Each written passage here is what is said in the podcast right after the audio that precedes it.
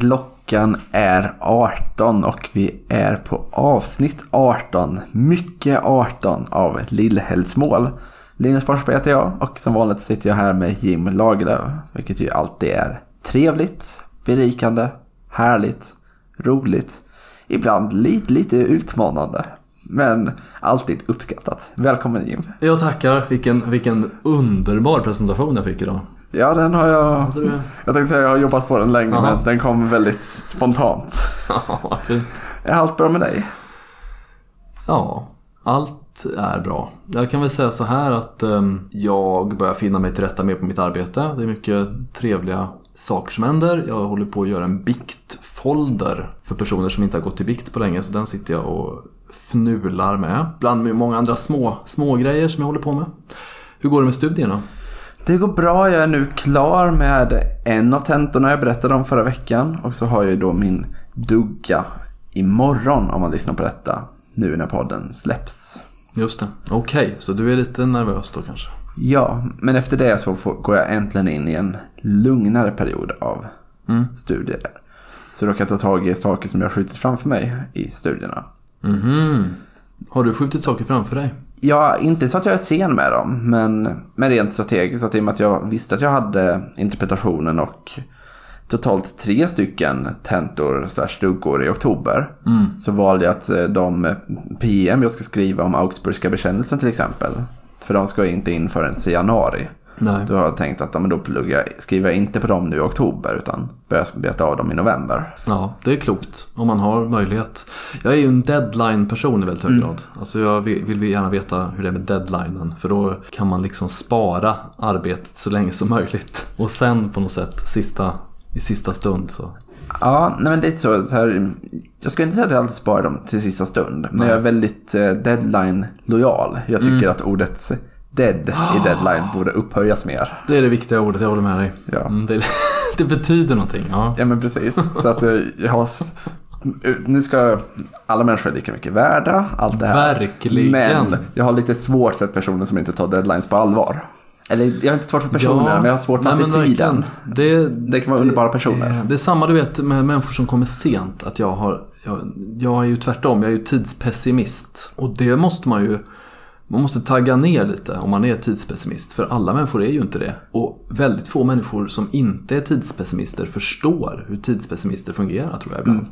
För det finns liksom ingen förståelse. Eh, Jag tror att om man till exempel säger så här, viskas klockan tre. I min värld betyder ju det ofta då 15.00 och 0 som fröken Ur sa. Men det gör det ju för väldigt få.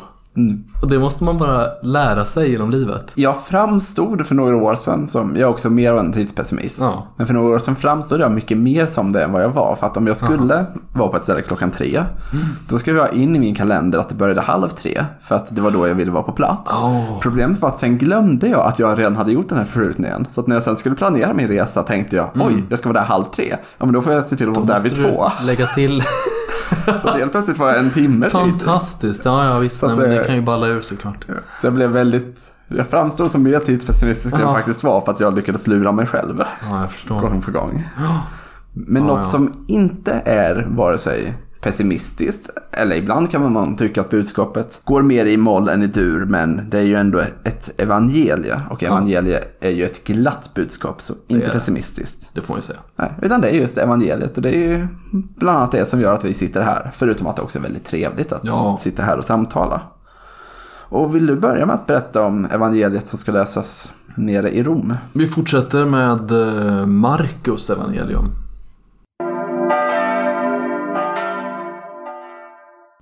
Det känns som att det är någon, eh, det är någon grej att vi läser ur Markus evangeliet hela hösten här känns det som.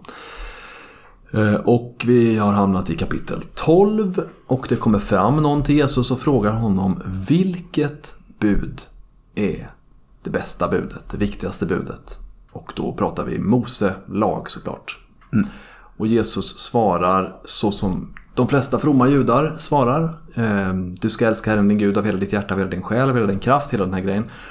Och din nästa som dig själv. Alltså det, det som vi brukar kalla för det dubbla kärleksbudet. Ja. Och då kan jag fråga dig Linus, är det lag eller är det evangelium? det står ju evangelium här som överskrift. Jo, precis. Men det låter som en lag.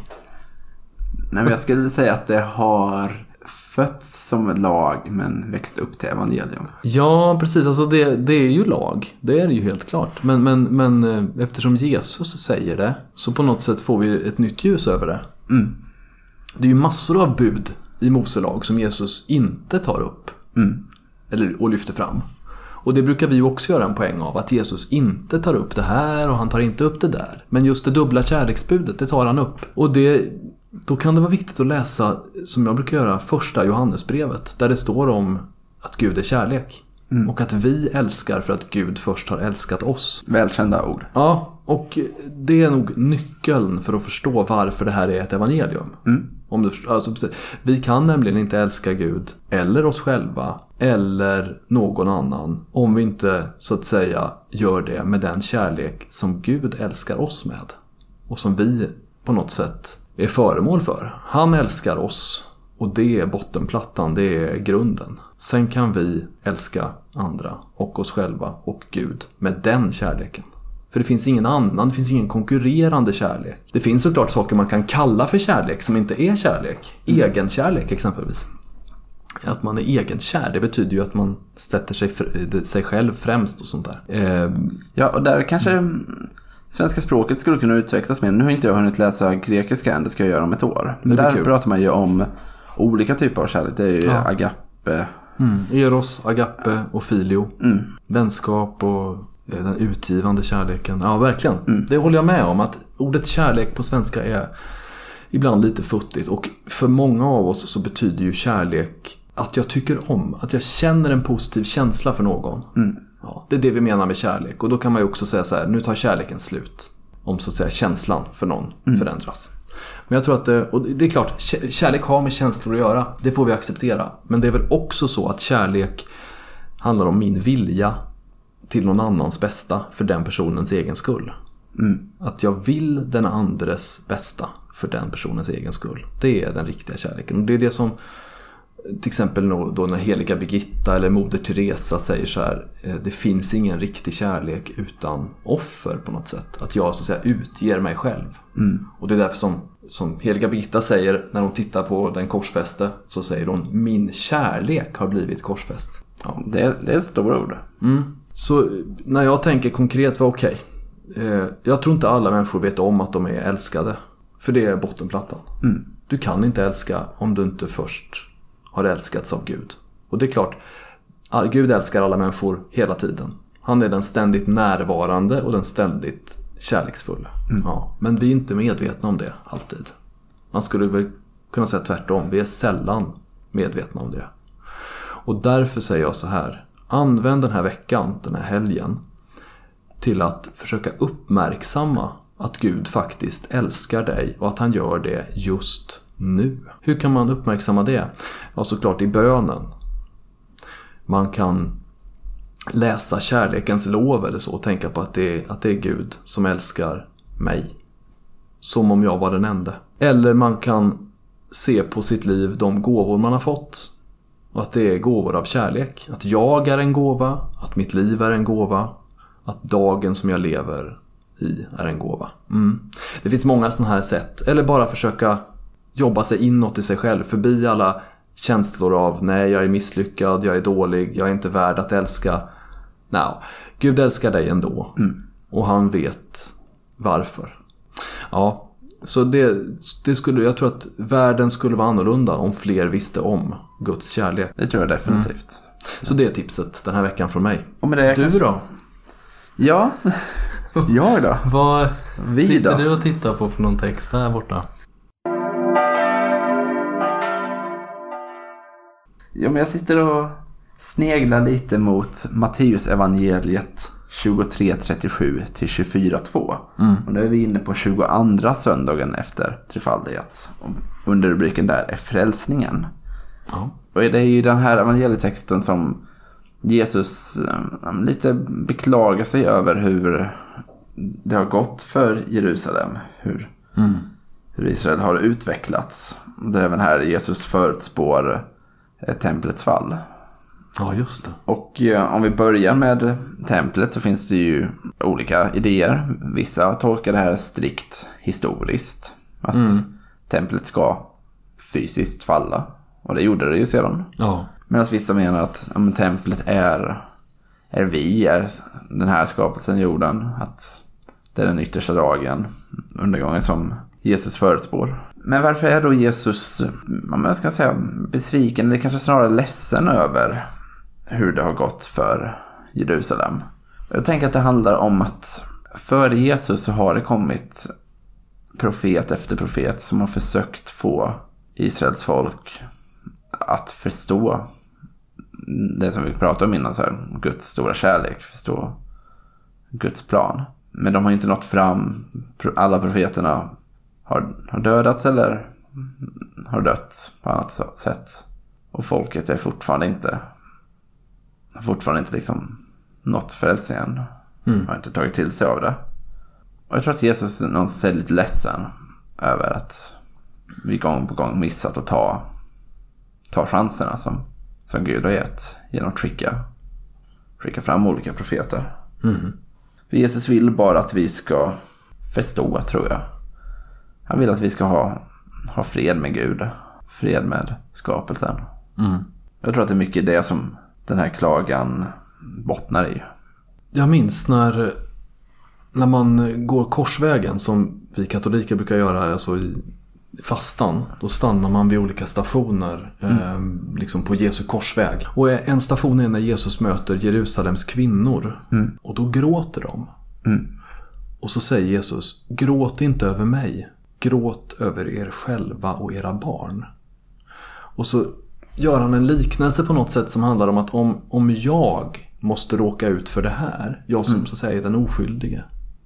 Vad, ska, vad, vad väntar då er? Alltså, och vid ett annat tillfälle så det här med att Jesus längtar efter, när han tittar på Jerusalem så säger han så här, jag skulle vilja samla alla de här skingrade så som en, en höna mm. samlar sina ja, kycklingar då. Så han, han, det, är, det är en omsorg, det är en oro och det är en omsorg. För Jesus vet ju att livet är på allvar. Mm. Och att man, det är möjligt för människan att slarva bort sitt liv. Det är ju det. Och det är ju det är inget kul att prata om det, men det är ju så. Och det är just det här som, som du är inne på som leder in lite på det jag tänker är hur man ska leva ut evangeliet. För att, som du säger, vi kan slarva bort våra liv. Vi kan glömma bort att Jesus faktiskt vill samla oss, att Jesus vill ta hand om oss. Mm. Och om vi pratade om templets fall innan. Mm. Så om vi tänker att alla vi har tempel inom oss. Mm. Vad gör att våra tempel antingen har fallit eller riskerar att falla? Och vad kan vi göra för att undvika det? Hur kan vi se till att våra tempel står kvar? Att vi är kvar i Guds omsorg. Hur kan man vara kvar ja? Mm. Men, och, och även till, till de som känner så här, mitt tempel har fallit som du säger. Det hoppfulla är ju att Jesus talar om ett tempel som ska återuppbyggas. Mm. Eh, på tre dagar och att han menar sin egen kropp. Mm. Alltså, det finns en uppståndelse. Jo, precis. Mm. Så det skulle jag vilja skicka med så här. Om du känner att ditt tempel inte har fallit. Vad, det, vad hotar ditt tempel? Mm. Att falla. Hur kan du undvika det? Och känns som ditt tempel har fallit. Var kan du hitta Jesus som kan hjälpa dig att bygga upp templet? Intressant att du säger det här för att jag igår pratade jag med en, eh, en präst eh, om jag pratade om Ignatius andliga övningar med honom och han, mm. han sa då att eh, en grej som Ignatius tycker är viktig. Ignatius är en kille som levde på 1500-talet och som eh, funderade väldigt mycket på hur, liksom, hur ska människan göra när hon fattar beslut? Hur ska mm. människan göra när hon ska försöka förstå vad vad är Guds vilja i mitt liv och så. Och då säger Ignatius till exempel att man kan se på sitt eget liv som en borg. Och då ska man gå omkring och titta Precis som man gör när man hade ett slag. Ignatius växte upp på en borg. Och då ska mm. man, liksom, man ska göra en inventering. Man ska titta runt. Var är det svagheter? Mm. Var, var finns det liksom, var skulle fienden kunna ta sig in i den här borgen? Mm. Och på samma sätt med templet då, vad är det som hotar templet? Eh, vad är det som hotar, för att Paulus säger det, min, min kropp är ett tempel. Era, vet ni inte att era kroppar är tempel åt den helige Ande? Ja, vad är det som mm. gör att, är det lovsång i templet eller är det tyst? Är det Är det något annat? Har jag ställt dit så som, så som man, Israels folk gjorde ibland? Man ställde dit någonting annat i templet. Istället mm. för Guds altare så reste man något annat altare. Va? Ja, det kan vi fundera på. Eh, jag tror att det var väldigt vettigt. Eh, Ignatius tänker också för att liksom utröna vad som är av, mitt, av det jag känner och upplever, var det kommer ifrån, så ska man liksom fundera över man ska se framför sig ett slagfält. Mm. Och, så ska, och så finns det två eh, ja, men, läger. Mm. Det är Jesus som har ett läger med sina änglar och sina helgon. Och så går man, man går i tankarna, hur, hur känns det att gå i det lägret? Hur är mm. stämningen? Är det peptalk? Vad säger Jesus där i det här lägret?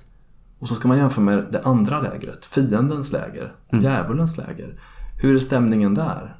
Vad säger han till sina demoner liksom? Eh, alltså, och då när, när man har olika känslor i kroppen, olika tankar, då ska man fundera på var kommer de här tankarna ifrån? Var kommer de här känslorna ifrån? Kommer de från Jesus, hans läger? Eller kommer de från det andra lägret? För att, och Ignatius säger det, man ska använda sin, sin fantasi på något sätt i bönen för att mm. liksom förstå bättre vad Gud vill. Och det, därför var det väldigt bra när du sa det där med om man tänker på sig själv och sitt tempel. Vad, vad är det man behöver? Ja, det drabbade mig jättebra. Tycker ja. jag. Mm. Härligt. Mm. Och jag tänker att det är i den här känslan som vi avrundar denna ja. Lillhällsmål. Det får vara så. Vi hörs nästa vecka igen. Vi gör det. Tack för idag. Tack.